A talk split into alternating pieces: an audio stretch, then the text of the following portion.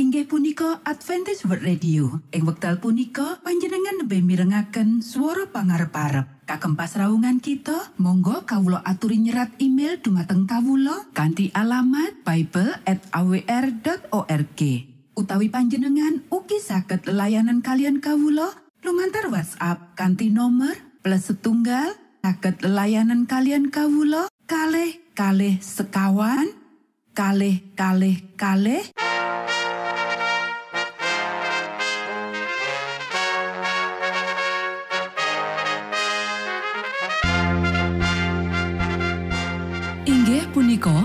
Adventis World Radio ingkang giaran kanthi basa Jawi. Tentrem Rahayu kula aturaken kagem para mitra kinasih ing pundi papan lan panggonan. Sugeng pepanggian malih kalian Adventis World Radio. Kanti bingahing manah Kulo badhe sesarengan kalian para mitra kinasih lumantar saperangan adicara ingkang sampun rinonci mligi kagem panjenengan sami.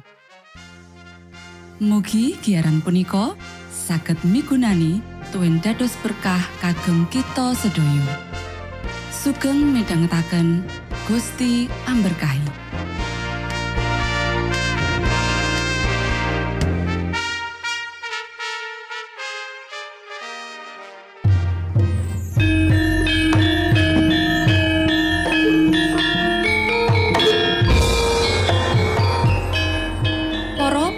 pamirsa kinasih ing Gusti Yesus Kristus, sugeng pinanggih malih kalian Adventis World Radio.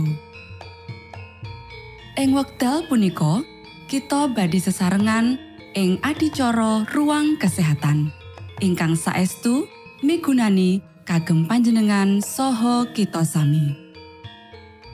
Tips utawi pitedah ingkang dipun aturaken ing program punika tetales dawuhipun Gusti ingkang dipunnyatakaken ing kitab suci.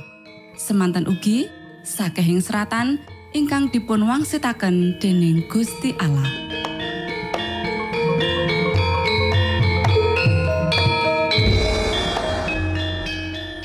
Nanging saderengipun monggo kita sami midhangetaken kidung pujian.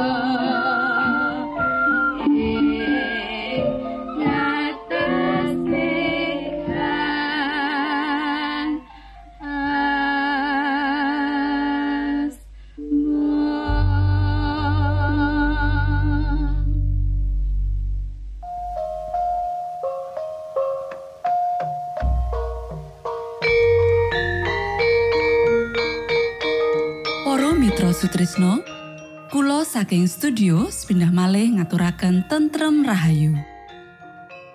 Puji syukur dumateng Gusti ingkang murbeng dumati ingkang sampun kepareng paring wewenngan kagem kita. Satemah saged nglajengaken ruang kesehatan. Pirembakan kita semangke kanthi irah-irahan. Woh-wohan perangan kalih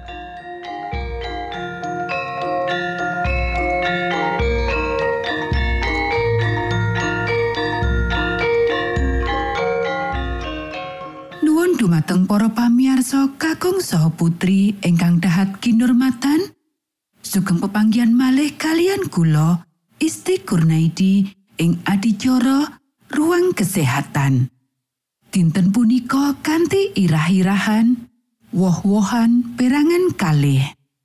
Para sedherek ingkang kinasih, dahar kang ora tumata asring yalari leloro. Sing dibutuhake alam ya iku kamardikan saka mumutan tambahan sing dilepokake. Ing pirang-pirang prakara leloro, obat sing paling apik kanggo pasien ya iku poso setino supaya organ pencernaan sing kerja lembur bisa ngaso.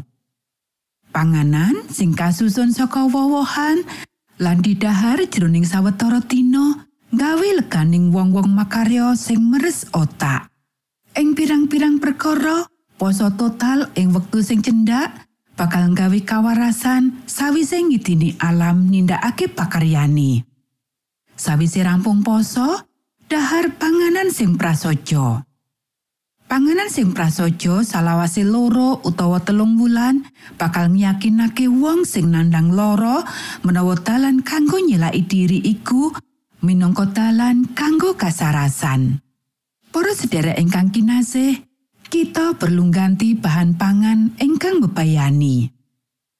Ing lembaga kesarasan kita, kita kudu menehi pitutuh sing jelas babagan tarak. Marang pasien, kita kudu nuduhake bebaya jroning omben-omben kang mendemake lan berkah kang gedhe menawa ninggalake. Wong-wong mau kudu diaturi mbuang apa wae sing bebayani kanggo kasarasan lan barang kang rusak iku diganti nganggo woh-wohan sing akeh kasedya. Jeruk, pelem, gedang lan liya-liyane bisa dipikulai. Kabeh iki akeh banget ing negara kita. Donya sing dititahake Gusti Allah iki subur menawa manungsa ngupaya tenanan. Para sedherek ingkang kinasih, aja kakean dahar uyah.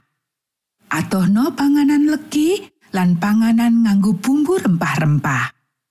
Dahar woh-wohan sing akeh supaya kepinginan ngombe nalika dahar iku diilangi. Ing endi wae woh-wohan bisa tuwuh akeh, pacawisan mangsa adem kudu digawe kanthi cara dikalengake utawa garingake. Woh-wohan cilik kaya kismis lan macem-macem jenis woh-wohan peri bisa tuwuh ing endi-endi. Nanging mung sawetara wong sing nggunakake lan cara ngolahe ora dikatekake. Panyimpenan ing kendul luwih apik tinimbang ing umplung. Panganan sing disimpen kudu sing paling apik. Gunakake sedidik wae gula. Kodhok woh-wohan iku mung nganti umum. Pajawisan kasebut minangka ganti sing paling apik kanggo woh seger. Woh-wohan ing ngendi wae bisa dipikulai kanthi murah, kayata anggur, apel, jambu, lan liya-liyane. Iki bisa digunakake minangka panganan utama amarga luwih bebas digunakake. Kasiate paling apik kanggo kasarasan lan tenaga kanggo kabeh wong kang makarya. Sari apel sing disimpen ing kendul enak banget lan sehat. Per lan cherry yang bisa dituweni bakal migunani banget ing mangsa adem. Para sedherek ingkang kinasih, menawa panjenengan bisa oleh apel, panjenengan bejo banget. Ngendikan babakan wowoan, apel wis cukup yen ora ana liyane. Aku ora mikir macem-macem woh sing penting. Nanging woh-wohan iku diklumpukake lan disimpen kanggo didahar nalika ora ana apel ing ngendi-endi. Apel duweni kualitas sing luwih dhuwur tinimbang woh-wohan liyane. Woh-wohan seger dipetik saka kebon. Ana maneh kaluwihan liyane sing bisa ditampa dening sanatorium jroning budidaya wit woh-wohan. Woh-wohan sing ora bosok dijupuk langsung saka wit cocok kanggo suguhan ing meja nedha.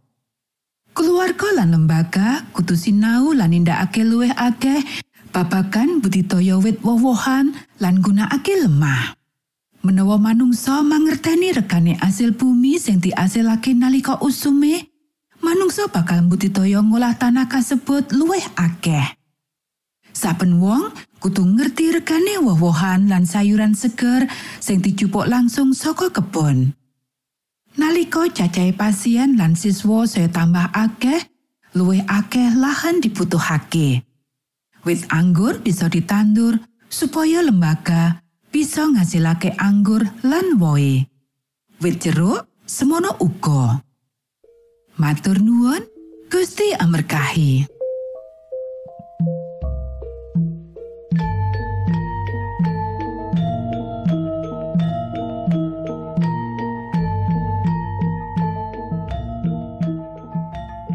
Semanten pimbakan ruang kesehatan ing episode dinten punika.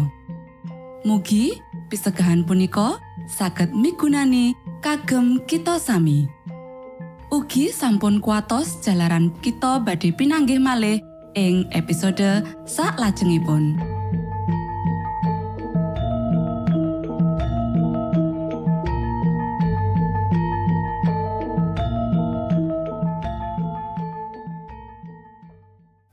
Punika adicara ruang kesehatan. Menawi panjenengan gadah pitakenan utawi ngersakaken katrangan ingkang langkung, monggo kulo aturi kinton email dateng alamat ejcawr gmail.com utawi lumantar WhatsApp kanti nomor 025 pitu 00 songo songo papat 00 pitu.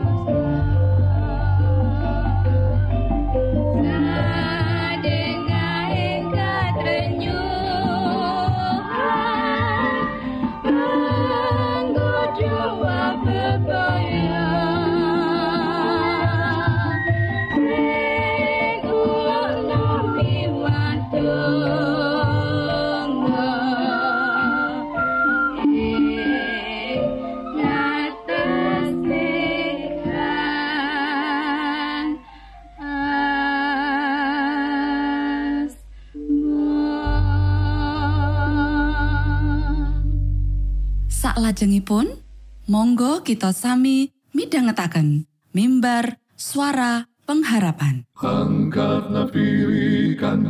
Pawarto Sang Kristus paderamu Pro umat samyo puji asmanyo Sang Kristus paderamu Inggih punika mimbar suara pengharapan. Ing episode punika kanthi irah-irahan. Pandungo kagem kegiatan. sugeng minangka tondo Sang Kristus paderamu Ilmu kawero tambah tambah Sang Kristus paderamu Paderamu Paderamu Sang Kristus paderamu Shalom. Para pamirsa ingkang kinasih wonten ing Gusti.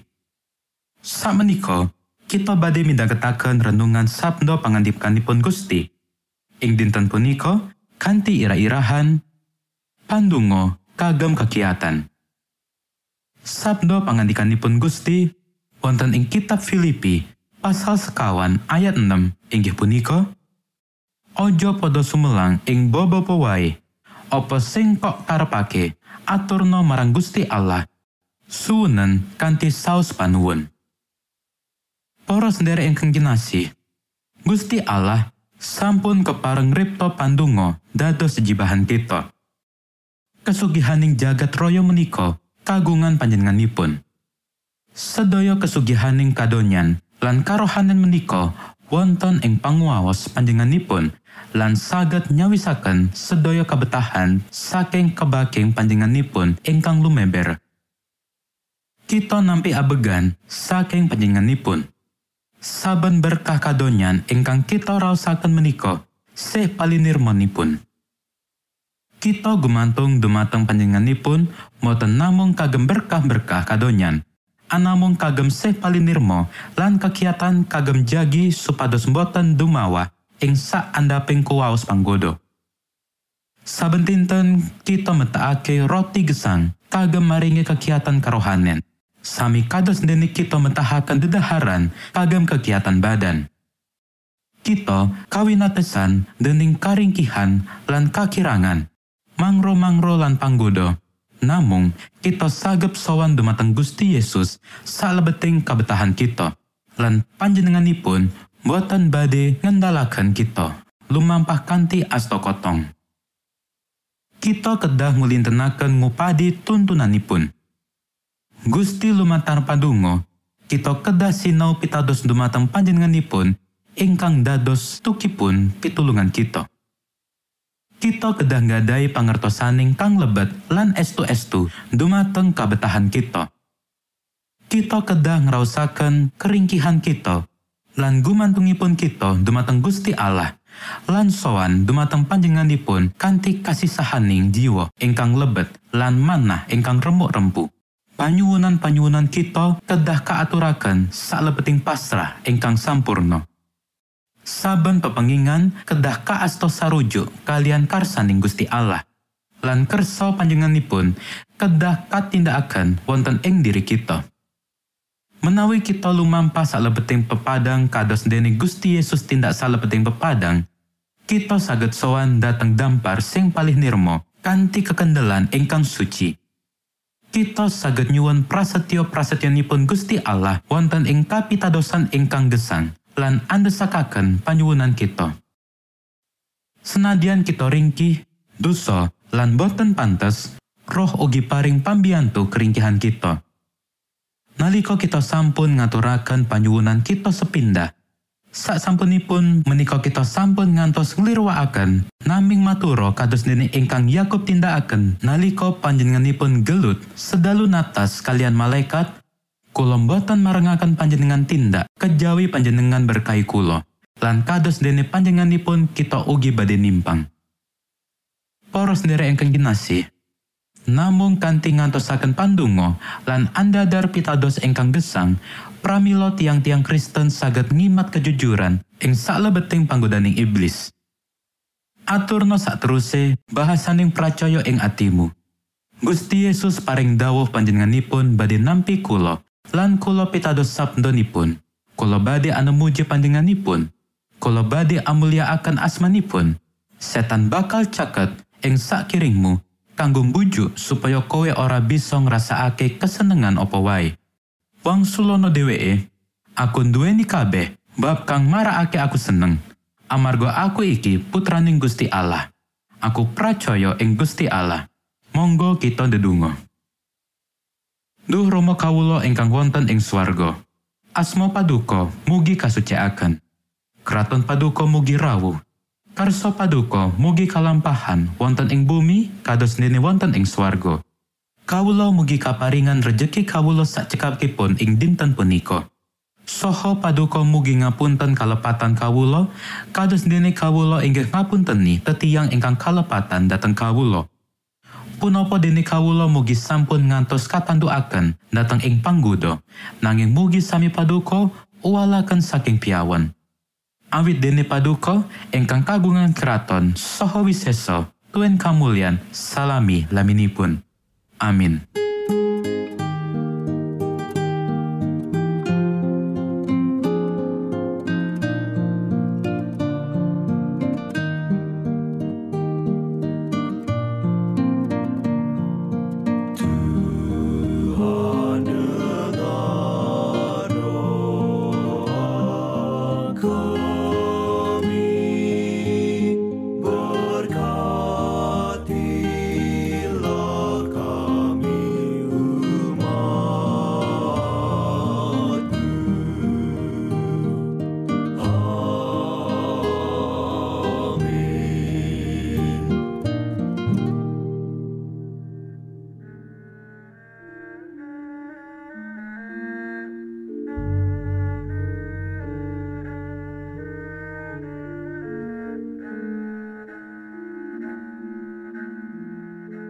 Para Mitra Sutrisno, pamiarsa kinasih ing Gusti Yesus Kristus. Sampun paripurno pasamuan kita ing dinten punika. Inggih awit winatesipun wekdal pramila kita pisah sawetawis. Menawi panjenengan gadah pitakenan utawi ngersakaken seri pelajaran Alkitab suara nubuatan, monggo Kulo aturi kintun email dateng alamat ejcawr at gmail.com utawi lumantar WhatsApp kanti nomor 025 pitu 00 songo songo papat 00 pitu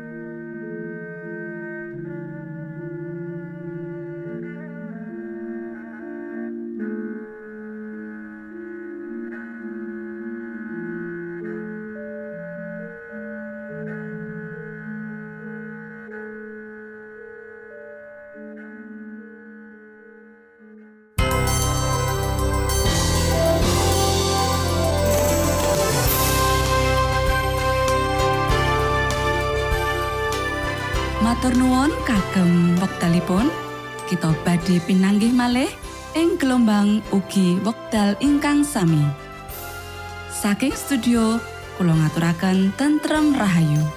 Gusti amberkahi kita sedaya. Maranatha.